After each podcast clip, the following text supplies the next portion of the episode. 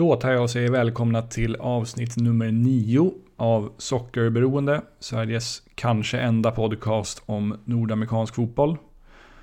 Jag heter Johan Dykhoff och i det här avsnittet blir det fokus på de två senaste säsongernas jumbolag i MLS, det vill säga FC Cincinnati. Jag har intervjuat Kevin Wallace som är styrelsemedlem i FC Cincinnati supporterklubben The Pride. Kevin är född och uppvuxen i Cincinnati och berättar i den här intervjun bland annat om hur han kommer att bli engagerad i The Pride, vilka förväntningar man kan ha på FC Cincinnati i år, eh, lite grann om Tom Petterssons prestationer så här långt i klubben och även den nya skithäftiga arenan i Cincinnati som öppnar om knappt två månader.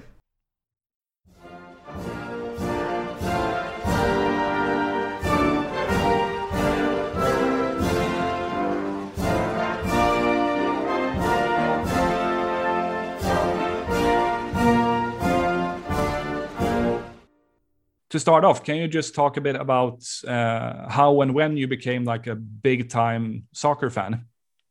Oh man, um, big time soccer fan. So I have been a soccer fan. I would say. Uh, my entire life. I, I, played soccer at a very young age, um, played all the way through high school, played um, once I went to college, but not for a college team, sort of with friends and, and organized rec league types of things. Um, it's something that's it's interesting i think from an american perspective is that being a soccer fan was actually really hard until about 10 years ago and then it became very easy so finding a random soccer game on television before like 2002 is impossible uh, and my family didn't even have uh, cable till I, I, was a little older, so I never had a chance to watch it.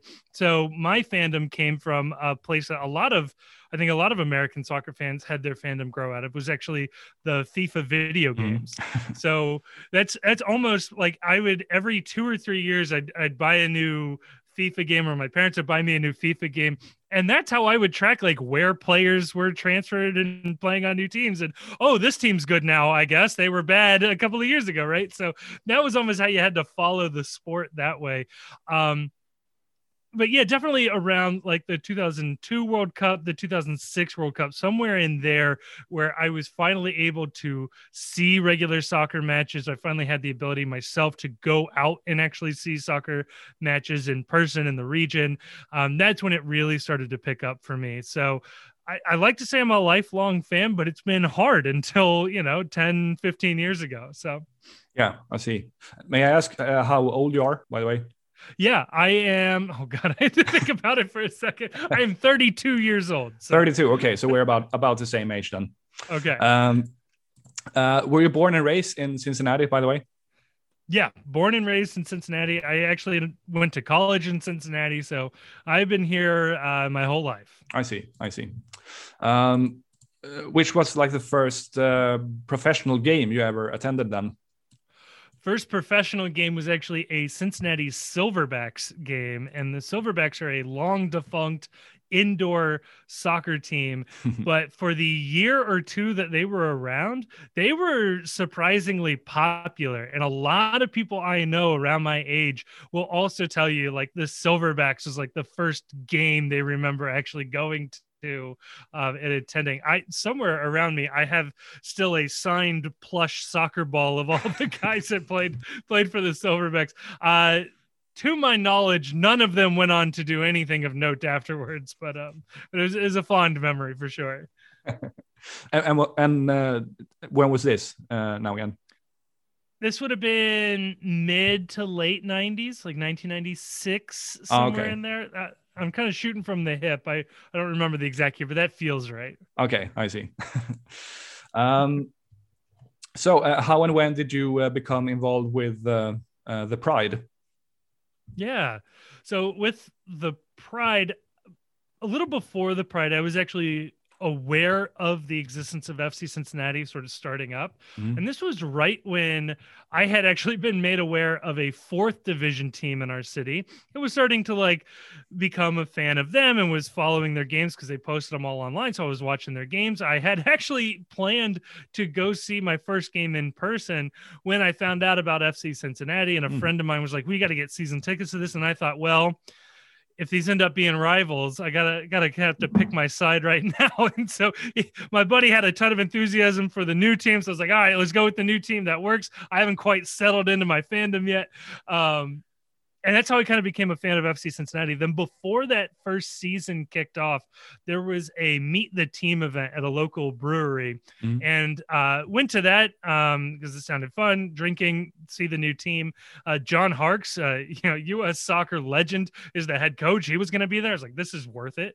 Um, and so when I was there, the Pride actually had a sort of booth. The, the team let them set up a little station uh, asking people to become members 20 bucks you got a scarf and i was like yeah sure i'll, mm-hmm. I'll buy a scarf sounds good um, and that's how i first joined the pride um, but i'll say first got involved in the pride was a little bit later on after the season had been kind of going on for a little bit um, I was a member in that I bought a scarf, right? I wasn't attending regular meetings. I wasn't, you know, in the trenches yet and I wasn't real happy with the way things that the uh, some of the things that the Pride had been doing, and I made a real long post online about how they should be doing things differently. I was yeah, discouraged with the direction they seemed to be going, yada yada yada. I felt like they were wasting membership money on some things. Um, and members of the pride wrote me back online so we were kind of going back and forth sharing you know angry comments with each other. Um, and i remember one of them specifically said you know you you won't show up to our our meeting tomorrow you know that's where we're going to talk about this stuff. And i did. I showed up. I was like hey everybody i'm i'm the guy that's been yelling at you online. And um, i wanted to be a part of the solutions. I was like how do i get involved? How do i help fix this? Like these are things i want to do. How can we do this? And they were just like yeah come on in. Like please please help yourself to helping us. And uh, that's how that's how I got involved, and I'm still here. So pretty, yeah. pretty good times. they haven't kicked you out, kicked you out yet, so you got to be not yet. And right. I, I've sur- right, and I've survived a couple of elections, so I don't know. Somebody likes me. Yeah. um, what would you say are uh, oh wait uh, uh, what are some of your like tasks and responsibilities being the secretary of the pride yeah. So officially, as the secretary, it's my job to basically help the organization run. So that's running meetings, taking notes in meetings. Um, we've started a new initiative in opening up more and more of the. I mean, it's not reinventing the wheel or anything, but we have a, a handful of committees that we invite members to. So if you want to be a part of the design committee, you can come in there and help design our yearly membership scarf or the mm. the, the giant displays, banners, the tifos, all those fun things. Um, so it's sort of my job to kind of make sure that those meetings are running, that members are able to join and things like that. Uh, but at the same time, there's just a lot of work that goes into running an SG. So we all of us are wearing many hats. So uh, this past year, leading up to opening a new stadium, we've had to you know find a new home bar. We FC Cincinnati is sort of famous for having a big supporters march from uh, bars to the stadium. So we needed to basically communicate with the police, the fire department, the local neighborhoods. Like, hey, we're going to be sending you know thousands of yahoos running down your street. Like, are you okay with this? Do you have any questions? We promise we won't set off smoke bombs in your window. Those types of things. Um, and so we we all are wearing many hats. So yes, uh, officially taking minutes of meetings, holding elections is the other part of my uh, uh, responsibilities. Making sure those committees are running, but you know, occasionally talking to um, members of a community council or uh, meeting with the owner of a bar, making sure they're okay with all of us showing up all at once. Those mm-hmm. those types of things. Okay, cool. Um, what are, in your opinion, some of the best things with being involved with a supporters group? Yeah so there's a couple of different facets to it that I think makes it more interesting. Uh, first and foremost, from an American perspective, the concept of a fan group or a fan trust or fan union doesn't exist in the rest of American sports. And so that in and of itself, I think offers you something new and interesting and unique, even if that was it, even if there was just like this weird organization that kind of grouped around it. Um, but I think one of the things that really appeals to me is that supporters groups have always been i've always viewed them as a union for the fans. So if the ownership group of the team was doing something that the fans didn't like well this is sort of your union that you would all collectively go in and ask the the owners hey please don't do this or mm-hmm. please start doing this whatever the case may be. Um, and it's nice having that outlet and it gives the team some amount of accountability to the fans in a way that isn't just attendance, right? Like most teams are just go, oh, attendance is high, we're doing everything right. Oh, attendance is low, we're doing everything wrong. Mm-hmm. Um, we can actually go back and say specifically, like, hey, we hate it when you do this. Please stop doing it. Um, and we've had pretty good success. Like this, the FC Cincinnati has been very accountable and amenable to the supporters in kind of like giving into our demands is probably not the right way to say that. That's how it feels sometimes. And that's been really, really encouraging. And that's just for the supporter side. Specifically for the Pride, I think we've actually built a really good community despite being very large. Like we already have sold uh, hundreds of memberships, and we've only had our 2021 memberships on sale for about a week now. Mm. Um, and within that we have kind of empowered our members to find communities within our community. So we have a group of people who play certain video games together. We have a group of people that like to go golfing together and they organize golf outings together within the Pride. We have a group that plays Dungeons and Dragons and we have a group that um, before the pandemic would go uh, to a local soccer bar on Sunday mornings, have brunch and watch whatever European games were on. Mm-hmm. So it's a really nice community that we've built inside of the Pride. So you are a member of a you know thousand person organization but you kind of have your cluster of 30 people that you're interacting with and then when it comes time to support the team everybody comes together and they're painting banners and singing the same songs and and singing the same uh, chants and things. It's really really cool to kind of see it all come together like that. Have you ever now i became a bit curious have you ever had uh, the the the or have you ever needed to say go to fc cincinnati and say hey we hate when you're doing this yeah, so there, has been a handful of times. So one specifically uh, was in building the new stadium. That all the supporters groups got together and basically laid out a, a dream document of what we would like to see as supporters for the team, and it included some big asks. Like we wanted um, rigging so that we could uh, pull up the tifos, pull up the banners, rather than them laying across the top of our section. We wanted to hoist them up uh, with pulleys, and they said that they would do that. Mm. Uh, another one was we wanted storage in the stadium because we would have to drag hundreds of flags to and from the stadium, and if it's raining or the place that we're going to lock them up at night is closed, uh, there's no opportunity uh, to do that. So by them offering us some space inside of the stadium it makes the game day experience much better. And they were able to give us that. And these are multi million dollar decisions that they're making on our behalf. Mm-hmm. Now, specifically to your question, where we asked them to specifically not do something, um, when they were building the new stadium, they really wanted to recreate the feeling of the Bailey from Nippert. And if people aren't familiar, the Bailey sits in, in Nippert, the old stadium, sat about 20 to 35 feet up in the air before the first seat started. But because it started up in the air, it was able to be much closer to the stadium or to the field and a lot of opposing players kind of complained about it saying that it's it sounded like the fans were yelling on top of them like everybody was on top of them. And the the club really wanted to recreate that. They really wanted to put that in the new stadium and they had drawn up multiple designs with that setup and everything and we told them no absolutely not. Do not do that. We want our section to go to the field. We want the players to be able to jump into our stand and celebrate with us. We want to be closer to the action. Uh, please do not build it that way with that wall first. Mm. and they didn't. And that's a huge decision that they made because I happen to know that they were trying to sell uh, club seats in that wall that you know oh. they could have had people behind a glass wall, and so they were looking at it as a, a, revenue thing and sort of recreating that history. And we told them absolutely not, and they didn't. I mean, they took money out of their mouths uh, to to specifically make the supporters happy. And that's that's a sign of a healthy supporters group and a healthy front office, and it's really made supporting FC Cincinnati very easy. Yeah, yeah, that's awesome to hear. Um, are you guys active in like uh, charity and community work and such things as well?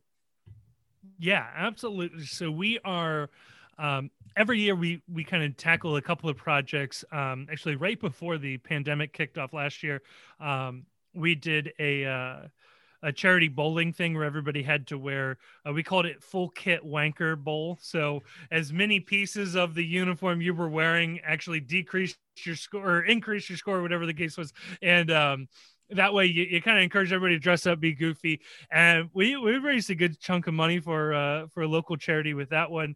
Um, every year the pride specifically does something for lighthouse youth services which is uh, uh, lgbt uh, teen focused charities, specifically homeless teens. So kids that get kicked out of their home and not being accepted for who they are. Uh, this charity helps them, and so we sell a specific uh, scarf every year that's uh, pride themed. So it's all rainbow colors and things, and all the money goes to that. And in the past, we've raised thousands and thousands of dollars for these organizations. So, um, yeah, love having that community aspect. And it's honestly something we're trying to expand more this year. We have a charity committee. We want people to come in and pitch ideas to to you know how we might be able to help these things um, different charity outlets and uh, and do some good in our community because we absolutely want to be doing that have you been able to continue these sorts of things during the uh, the pandemic we've tried um, it's actually been very difficult uh, specifically last year in just keeping the member engagement up a lot of people disengaged because I mean, we lost largely for for half the year. We lost the thing that kept us together, which was soccer, mm. um, and we weren't able to attend in the stadium. And it was very quickly, it sort of fell off of people's radars. And so we've tried to do things. We sold um, masks where we matched one to one during the pandemic where every mask we sold we donated another mask to first responders uh, in the cincinnati area which was nice um, but honestly, it's it's been difficult keeping that engagement up. But what's been really, really happy, I, I've been very happy to see this, is in the last two weeks, we have seen that engagement jump right back up. Mm. People are ready to get soccer started. People are ready to to re-engage, and we're starting to see that, which is really really nice. Okay, is that like how come that happened just the past week or so? It, it has been any news related to that, or so it's been a combination of things. One has been hype for the stadium has been building. So the last couple of days we saw the the stadium is covered in LEDs and it can do this crazy almost laser light show display and everybody got very excited about that. Uh, we released our new membership package for 2021 which kind of got people like oh yeah like we're we sent emails to all of our former members like hey mm-hmm. we're still here like please please keep joining um and it seems to sort of like woken everybody up like oh right soccer's coming back vaccines are starting to roll out like we've we've got a real chance of actually seeing some in-person soccer getting that march back getting in the stands again this is going to be awesome and then specifically last week all of the supporters groups released their new memberships uh, each day last week. So it mm-hmm. just more and more it built the hype, built the hype. Everybody from all the different groups are starting to re-engage, uh, start signing some good players, and everybody's starting to get their hopes up. So okay, I see. yeah.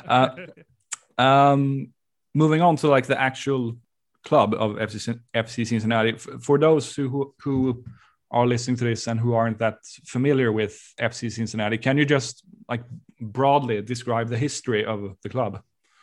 Yeah, so FC Cincinnati is only a handful of years old. Classic American soccer mm-hmm. story. Uh, franchise dropped in from the heavens. Um, it was uh, started in the American Third Division. It does have this unique history. Uh, later on, that league, uh, after the the next year, the league itself was bumped up to the second division, and then FC Cincinnati uh, made their move to MLS in 2019. Um, historically, this has been a free spending team, which is unusual given how bad they've been the last two years. But when they were in the lower divisions, they spent like crazy. And particularly in their last year in USL, they essentially amassed an all-star team of lower division talent and ran the table uh, setting points records and and wins records and undefeated streaks. Incredible incredible performance uh, that year. FC Cincinnati had the shortest time between uh, sort of not being an MLS to being an MLS. They had less than a year, 277 days. That was two transfer windows. They had to build an entire top flight roster, and they didn't. Uh, that first year in MLS, they set the record for most goals conceded and one of the worst goal differentials ever in American soccer history. I think they are officially the second worst goal difference. Uh, last year was a weird situation. The team overall wasn't terrible the offense was. They could not score a goal. They scored 12 whole goals all year. Uh, the uh, the defense was below average. That probably could have carried a half decent offense. Um, and they finished dead last in the league for the second year in a row. That has been very hard to take. However, during those two years, FC Cincinnati went ahead and built a world class training facility. Uh, they have immaculate uh, facilities there for the team to be training in. And they have been building one of, if not the best stadiums in North America. Uh, definitely the United States for soccer specifically. It is a 26,000 person stadium right in the middle of downtown. Uh, every bar is within walking distance, natural grass field. It's going to be beautiful. So, while the money and the effort might not have been there on the field, the club was definitely laying the groundwork outside of it. Going into 2021, uh, some big, big spending uh, going on, bringing in uh, a designated player striker in Brenner. Uh, I believe ends up being the second most expensive player in MLS transfer history, and bringing back a uh, another uh, MLS veteran at this point, Lucho Acosta from mm-hmm. Liga MX uh, again is a designated player spending three four million dollars on him uh, the team is looking to revamp this offense. So um, very very excited to see the future of this club given the groundwork that they've laid. And a willingness to spend is never going to hurt you in soccer. Exactly yeah. And it ca- it's hard to believe that it, that is it can get any worse right you you know we thought that last year. It turns out it was just as bad. So I'm not willing to tempt the uh, tempt the gods just yet. I see. Um, uh, moving back to USL for uh, just a bit. Um, according to uh, Wikipedia, uh, FC Cincinnati had an average attendance of almost 26,000 in in 2018 in USL, which is better than many MLS teams.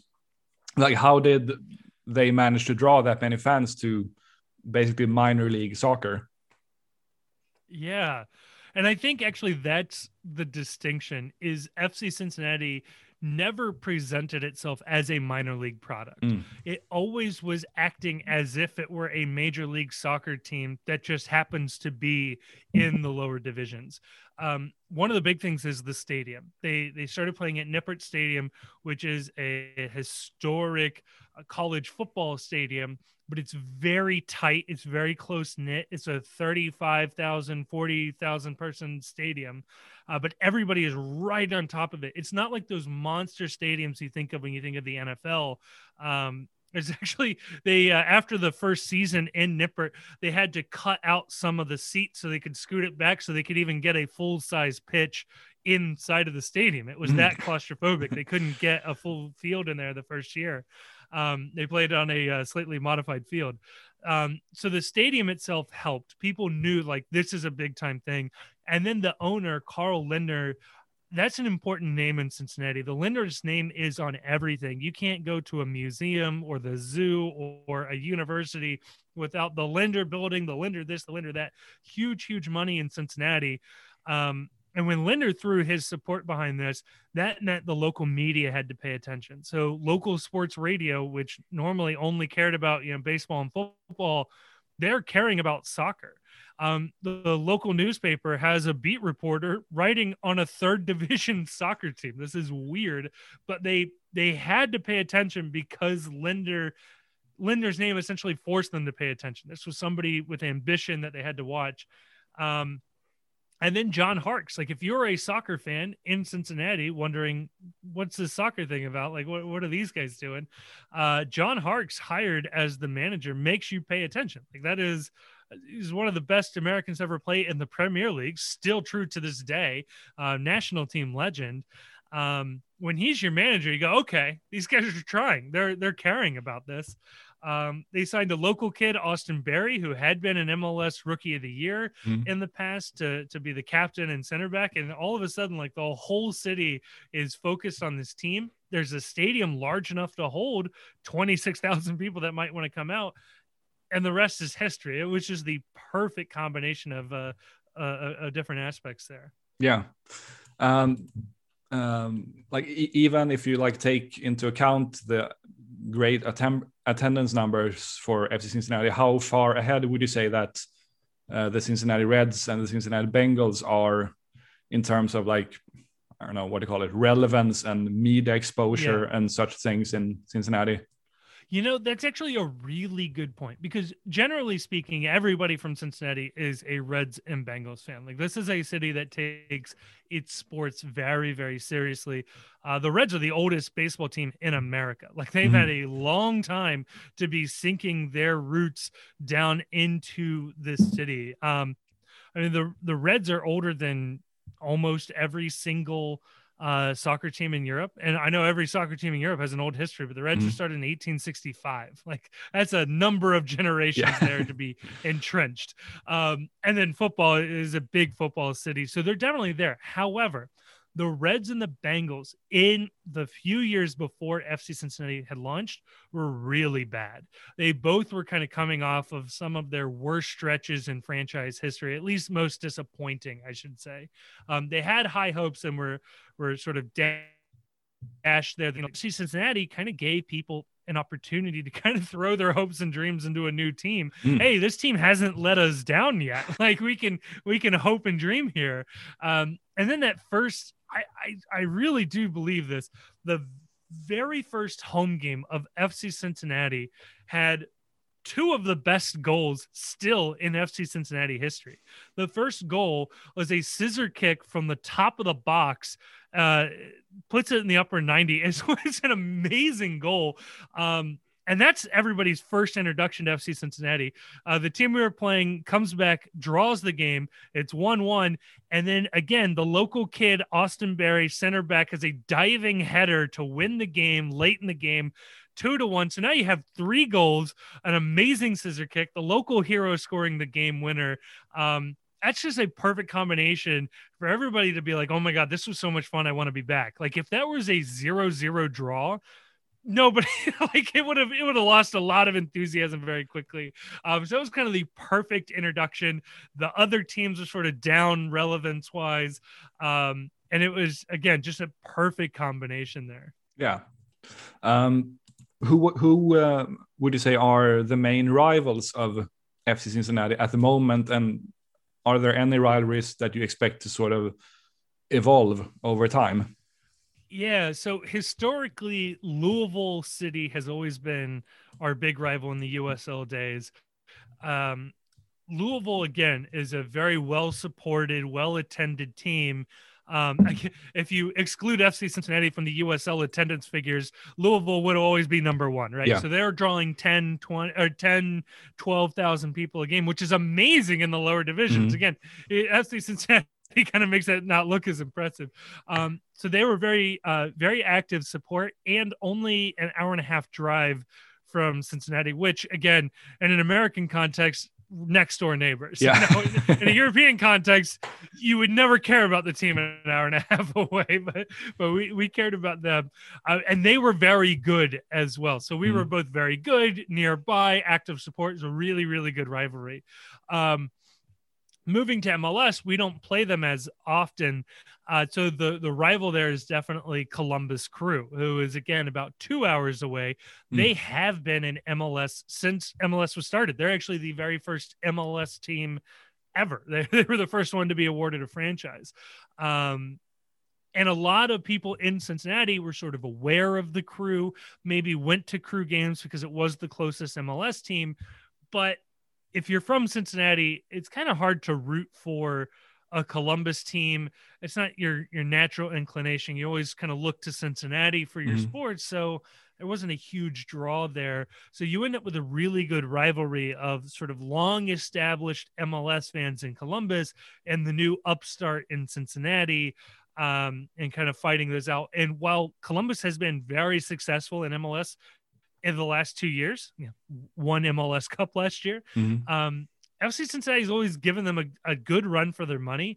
And in the lower divisions, Colum- uh, Cincinnati beat Columbus as a lower division team in the Open Cup in our in our Cup uh, tournament.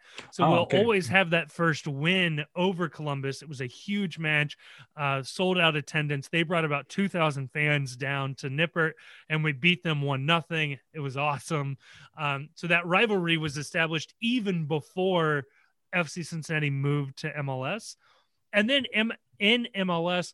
You'll start to see, I would expect a, a good rivalry with Nashville. It's not as deep as Columbus and Louisville. They are the next closest MLS team, so you kind of expect a lot of traveling fans back and forth, which makes a good rivalry. And we'll see how it turns out, but potentially St. Louis, which is a new MLS team coming online in a couple of years. Mm. Again, will end up being a, a, fairly close MLS team. I can see a lot of travel between the, the fans. So you, you might get something there. We'll see. They, they're probably more interested in picking fights with uh, other teams, but we'll we'll see what happens. Yeah, like Kansas City, probably. Kansas yeah. City and then St. Louis and Chicago sort of have a historic sports rivalry. Their their teams are always rivals in the various sports. So I would expect Chicago and St. Louis to have a good rivalry. Yeah.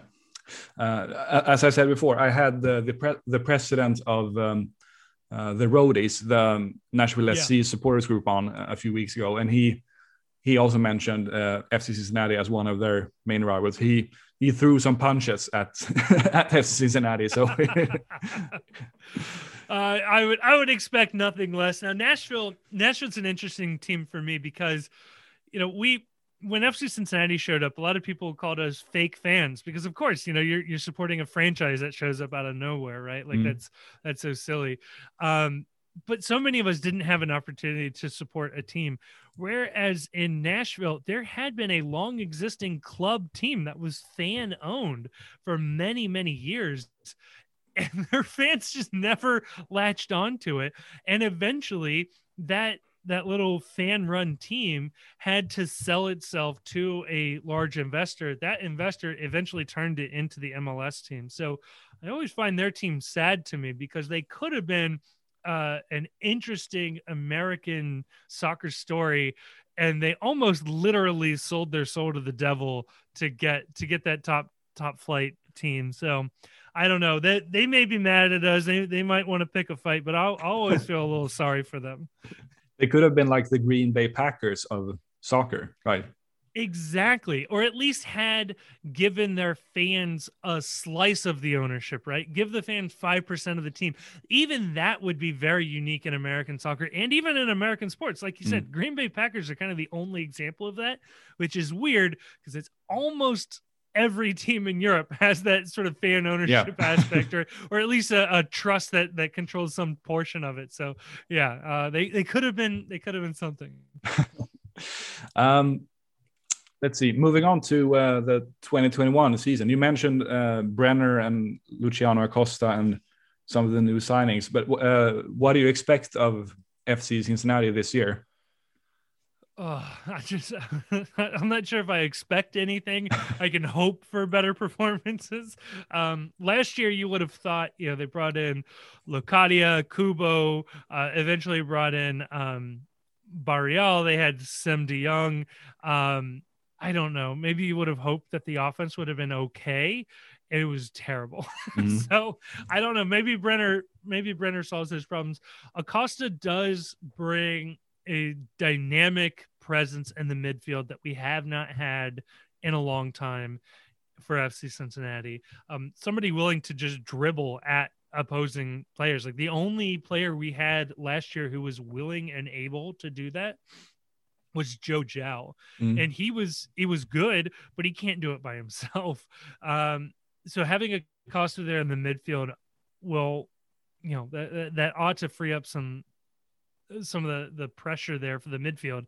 And then Brenner, I mean, you spend $13 million on a striker, you, you'd expect some goals, right? So even if he gets us a, a million dollars a goal, maybe a 13 goal season, um, it'll still be better than last year. So I'll, I'll take that. Um, so yeah, I don't know what what do I expect. I would expect the team to do to do well. I expect the team honestly to challenge for the playoffs. Um, I would like to see them in the playoff hunt late into the season. That would be that would be very nice. Mm-hmm. Speaking of uh, Locadia, do you expect him to um, stay like at least the length of his loan deal, or do you expect him to leave earlier?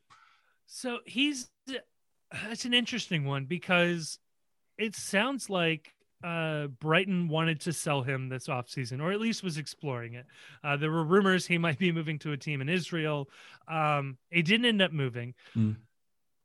If he goes back, I'm not sad because last year was terrible. He he had a really really rough season, and you can't you cannot spend seven million dollars on a player who is unable to score or assist. You just you can't do that. Um, not even Man City could afford to do that. Like it just as a waste of resources, especially in MLS. Um, so if he doesn't perform, he's gone, and I wouldn't be surprised if he's gone before then. If Brighton find somebody willing to buy him. Mm. If FC Cincinnati does decide to buy him, that means he's having an awesome half year with FCC. And if the team is willing to pull the trigger, then I'm for it because it means he's having a really good season. So if he's able to put up, you know, six, seven goals in the first handful of games and he's looking dynamic, let's assume on the wing because Brenner is most likely going to be your striker then. Yeah. Um, he's played on the wing plenty of times in the past. That that makes sense. You throw somebody like Barreal or Kubo on the other side of them, Acosta feeding all these guys the ball that on paper is a very dynamic, very dangerous offense. Definitely one of the more expensive offenses in MLS. Um, so yeah, if he's able to contribute to that, sign him up. Like let's let's do this. Like let's let's build a, a dream team on offense and let's win game seven to five. Like that sounds awesome. I would love to watch that. I, I was sort of I was really I, I had really high hopes for him when he was brought in from Brighton because I, I've I thought it was such a cool thing that the team that finished last in MLS could actually sign or well loan uh, like 27 year old striker from the EPL. That says I to me it's that sort of says something about MLS. But as you said, he scored what two goals and one being a penalty, so it was uh, yeah, and pretty underwhelming season. Sort of fake COVID tournament, so mm-hmm. it doesn't go. I, I'm not even sure it counts as an official FCC goal. I don't know. oh, I mean, it's, it's, right, because it was in the playoffs as well, so it probably doesn't count as an official yeah, goal. Yeah, it was. It's a weird situation, but yeah, that is that is one of the nice things. I mean, I. I, I love promotion and relegation. I think it's a fantastic setup. I, I honestly, I'd love to see it in the United States, but this is the advantage of having the closed system, which is the teams can survive and can build on top of what they did last year. So yes, FC Cincinnati can have one of the worst seasons ever, but they still know that that revenue is coming in. Mm. They can still go out and recruit players and say, "Hey, you're playing in Major League Soccer. You'll be in LA. You'll be in New York. Um, you'll be on national television in the United States and all over the world." Like that pitch doesn't change which is really really nice. I mean, I'll say that especially as a team that has finished dead last two years in a row, I really appreciate not having to go back to playing, you know, uh, on baseball fields in Richmond, Virginia. Uh, not not too sad about that part of it, but um, but yeah, it definitely, and I do think that it speaks to the vision behind FCC because you can finish dead last and still not recruit players. Mm-hmm. FCC has to make that pitch and saying, look, we're building a world class stadium. We have an amazing fan base. We have practice facilities and trainers that are the best in the world. Like, yeah, yeah, you can go play for whatever English team or French team, but we can offer you just as much, at least in terms of the off the field structure, which is really, really, really really nice to be a Cincinnati team. It also lets us compete with other American cities. It lets us compete with Miami and Los Angeles and New York because we can offer something that some of those other teams can only match. So mm. that's nice. Yeah. Um, since this this is a podcast based in Sweden, of course, I have to ask you about uh, your thoughts about Tom Pettersson so far. Yes. Uh, love Tom Pettersson. He has been very, very good. In my mind, he is um, a nailed on starter uh, for for opening day at the center back spot. Um, he is very good uh, with his feet. His, his distribution's been great. He is not a liability, which sounds like an insult, but and when it comes to Major League Soccer defending, that's a huge plus. Yeah. um, so much when when you restrict how much money you can spend on players, the money inevitably moves to the offense, and because of that, you spend less on defense, um, and so you're just looking for passable defenders. And Pettersson is definitely an above average defender, so that is awesome. I would expect there to be a new center back signing at some point. I really hope there is because as much as I like Pettersson and I do like Hagglund and van der Werff is fine. That's it. There's three center backs, and we got to make it an entire season. So if somebody gets hurt, it gets real thin real quick. Um, so I would like, I would expect another signing there.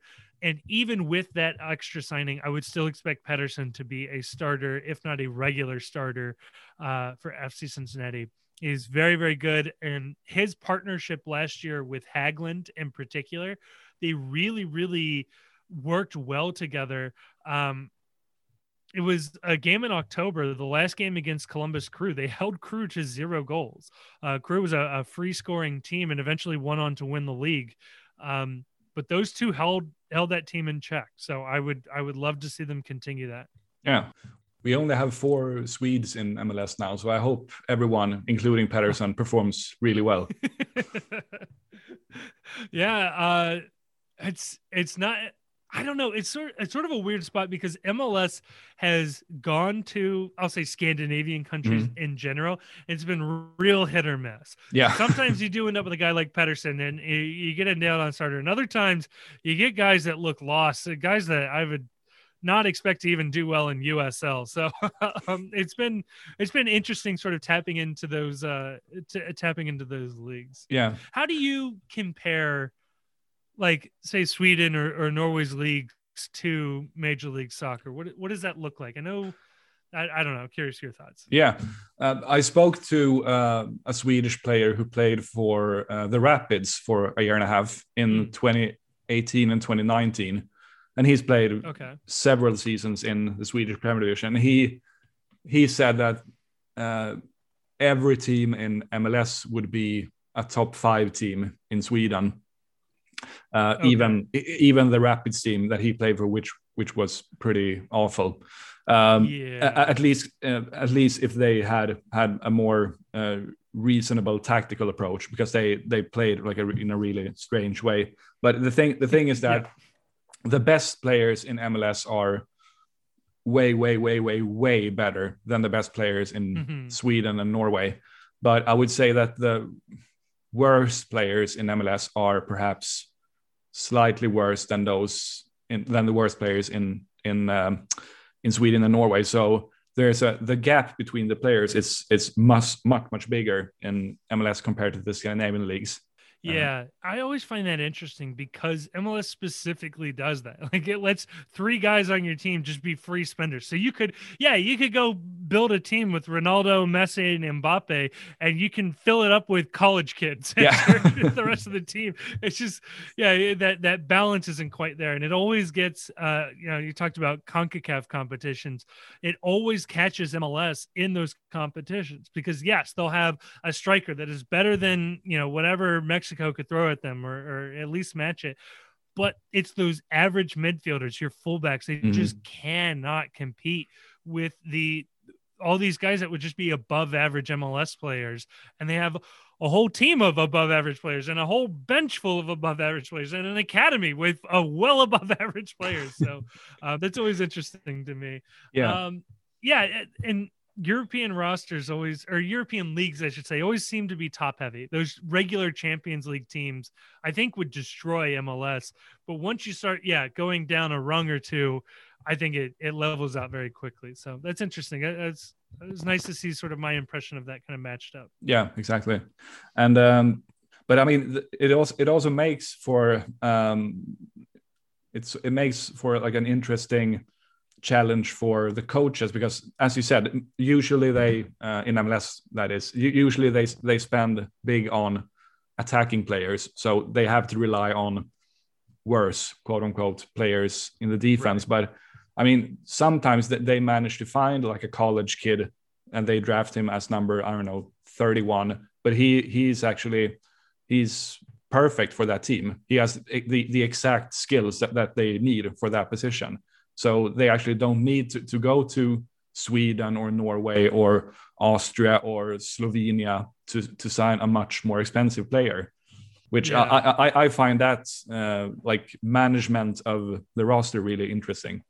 I it's amazing how much Major League Soccer does come down to roster construction. Mm. Like that's that's what's got me most interested in seeing FC Cincinnati's near-term future is we have Jaap Stam, who's a European manager, played in Europe his entire career, uh, managed in Europe his entire career until moving to FC Cincinnati, mm-hmm. and Gerard Nijkamp, who has built uh, Dutch teams. He is a is a general manager who built teams that were trying to compete for Europa League spots in the Netherlands. Well, how does that translate to the United States? Where yes, you do need to have a good understanding of the American college system because a team like Orlando who has a, a, manager there, Oscar Pareja, who is a wizard at finding, you know, un, untapped talent and and running an amazing academy. He goes out and drafts a guy like Daryl Dike. Mm-hmm. They loan him over to the championship. He's going to get a team promoted by himself, I think. And he was a second round draft pick. that is wild. Orlando allegedly turned down a $10 million transfer fee for this kid. That's more than Jozy Altidore got when he moved from the U.S. Um, that, that would easily put him in a top five transfers ever from the U.S. to Europe, and they turned it down. They think they can get more, or they think he's more valuable. Um, and that's yeah, like you said, coming from a second round draft pick out of college. Um, every team in Major League Soccer got an opportunity to pass on that kid. Yeah. Um, at least I think that's how that went down. But yeah, like that's where it really tests how you're going to do that. And that's where I'm really curious to see how Nijkamp is able to build a roster within these constraints. It's very unusual for a team to see success without honestly an American influence in the front office. And I'm not sure FC Cincinnati quite has that, at least not anybody with decision making. So, um, yeah, that's kind of as supporters, that's kind of what we're looking for the next year or two is can can this actually work or do we need to toss him out and go find a, a MLS veteran to build a roster here so we can be competitive? yeah. but the thing with Dike, that sort of raises the question: how how come uh, how come he actually went to college? Why didn't he play for an academy instead? Uh, and the same thing right. can be said about several other players, like I don't know, like Geoff Cameron, the former U.S yep. USMNT yep. player. He, I think he was drafted like 47 or something in back in 2009. Yep. So how how come he was passed on 45 times, uh, and then obviously he's good enough. He played like 150 games in the English Premier Premier League. So what what, what does that say about the scouting in MLS and uh, even USL? Yeah, it's one thing that I do think inevitably would have to be built if you move to a promotion and relegation system because the United States has a lockdown league, teams know that they don't even necessarily need to build their own academies. Like Minnesota, I think gave up on an academy. They said we're not mm-hmm. even going to bother right. with it, and they don't need to. Whereas if you opened up the the entire the entire pyramid, a team like Louisville would not be able to spend the money to recruit players from overseas or even recruit players within the United States, but they could spend what would be one large transfer fee amount of money each year into building an academy and eventually cultivate six, seven, eight quality MLS quality players mm-hmm. that they would potentially be able to sell on for a profit or use to get themselves promoted. And then once they're promoted, well, now they would have the revenue to go out and transfer in some more talent. So that is one symptom of our closed system which is teams don't have an incentive to invest in their academy. And the teams that are doing it are only just now starting to see the benefits. And mm-hmm. even then, MLS has tight restrictions on who you're allowed to even enter into your academy. Like in, I know in England, for example, it's very common for kids to kind of bounce around from academy to academy. Mm-hmm. Ah, you started off Manchester United, so now you move over to this team's, this team's, and you eventually find your your spot. But then those players can eventually end up right back in the Premier League. Um, whereas in the United States, you can't do that. And even if you could, the teams are really far away. Your team, your family's not going to move all the way across the country so you can go join the the other academy that wants you, or at least it's unlikely that's going to happen. And there's only what do we got now? 30 MLS teams.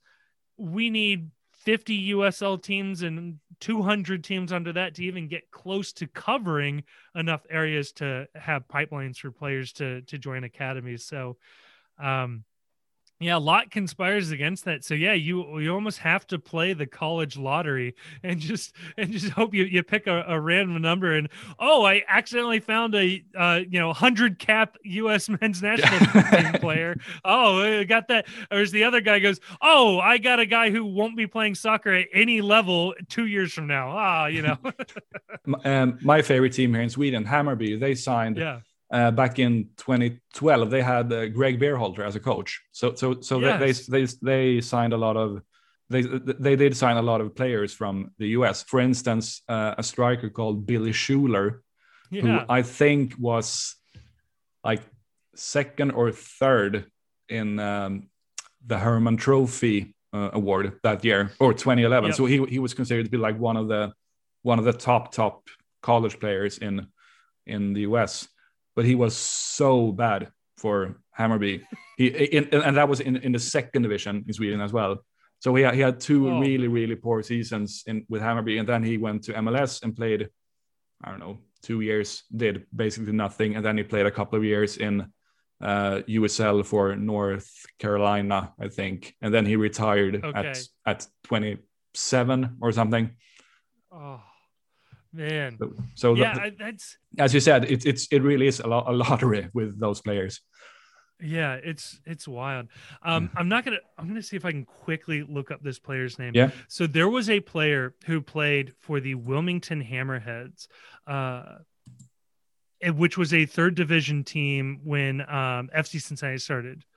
Uh, uh, Okay, so they uh, don't exist anymore. They folded. They had mm-hmm. no support whatsoever, um, and it was a uh, it's kind of a sad uh, story for that team. However, there was one player on their team. Uh, I'm trying to find. He was not a. Uh, he didn't really like stand out. He wasn't like this amazing player for them then. Uh, he was pretty good. Um, but at this point, he has just slowly but surely moved his way up uh, the sort of soccer universe and is now playing in the Premier League. He's oh, had wow. a very weird career where he started playing for the Hammerheads in his 20s.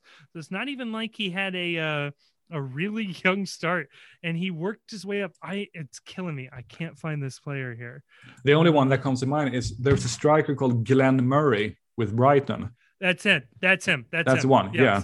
So uh, just a wild story where yeah, like this guy could have signed potentially Major League Soccer deal right out of college, or even after the Hammerheads folded as a club. Um, and he just kind of slowly but surely found it was above average enough at each step along his career path. He's he's made a, a quite a living for himself over in England. Uh, but yeah, getting the same start uh, in the same league that FC Cincinnati did, and yeah, hardly any of the players that FCC had that first year are even playing professionally now. Mm. So, um, pretty wild stuff. Yeah, definitely. Um, before we, we, wrap things up, uh, if I'm not mistaken, the your home opener this season is on May 16th, right, against Inter Miami. Yep. yep. Uh, will there be fans in the stadium? So there will be fans. We know as of right now, we'll be allowed 30% attendance, which is somewhere in the neighborhood of 7,000 fans in a 26,000 person stadium.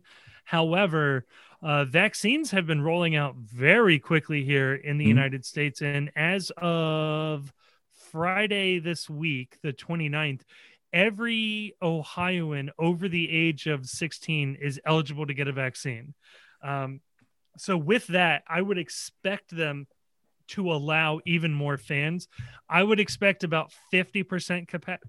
Woo, 50% capacity for that first game um, we might even see more if enough people are able to get get the shot between now and then. Um, we have the advantage of having the new stadium, so they kind of moved our home opener back about a month, mm-hmm. um, and that gives us more time to get get more shots in arms. So um, hopefully, hopefully we get that. But yeah, at least thirty percent. I would expect fifty percent. Wow, awesome! I wish I I wish I could say the same thing here. Things are going painfully slow here, unfortunately. Yeah. I know Sweden had a they zigged when everybody else zagged early yeah. on, and uh, I don't know. Ho- hopefully, it works out there. Yeah, they, they've the government has said that every everyone above or 18 and above will be vaccinated before the end of June, but I don't think that's going to happen. I think uh, it's going to take another couple of months. Yeah, uh, Europe's having a, a, heck of a time getting some of those uh, shots approved, some of those mm-hmm. vaccines. So best of luck, man. Uh, we're the whole world is rooting for the whole world. I feel. Yeah, like, exactly. So. um, finally, I would like to give you the opportunity to let the listeners know how they can keep themselves like up to date with what's going on around the Pride. Yeah. Uh, the easiest way would be to follow us on social media, either Twitter, we are at the Pride Cincy, C I N C Y, um, we're also on Facebook. Uh, you can find the Pride Supporters Group there. You can follow me uh, at Mr. Kevin Wallace. Um, I'm always tweeting about FC Cincinnati uh, and things like that. And then we actually have some really good fan media. Uh, if you are interested in learning more about FC Cincinnati, um, you have Cincinnati Soccer Talk, which has been around for a long, long time. Mm-hmm. Uh, the Post Cincy, which I have to say I help run. Um, we, we talk about Cincinnati, FC Cincinnati there. Um, and so those are two really really good resources as well but um yeah social media we're also uh online on our website all that good stuff so um check us out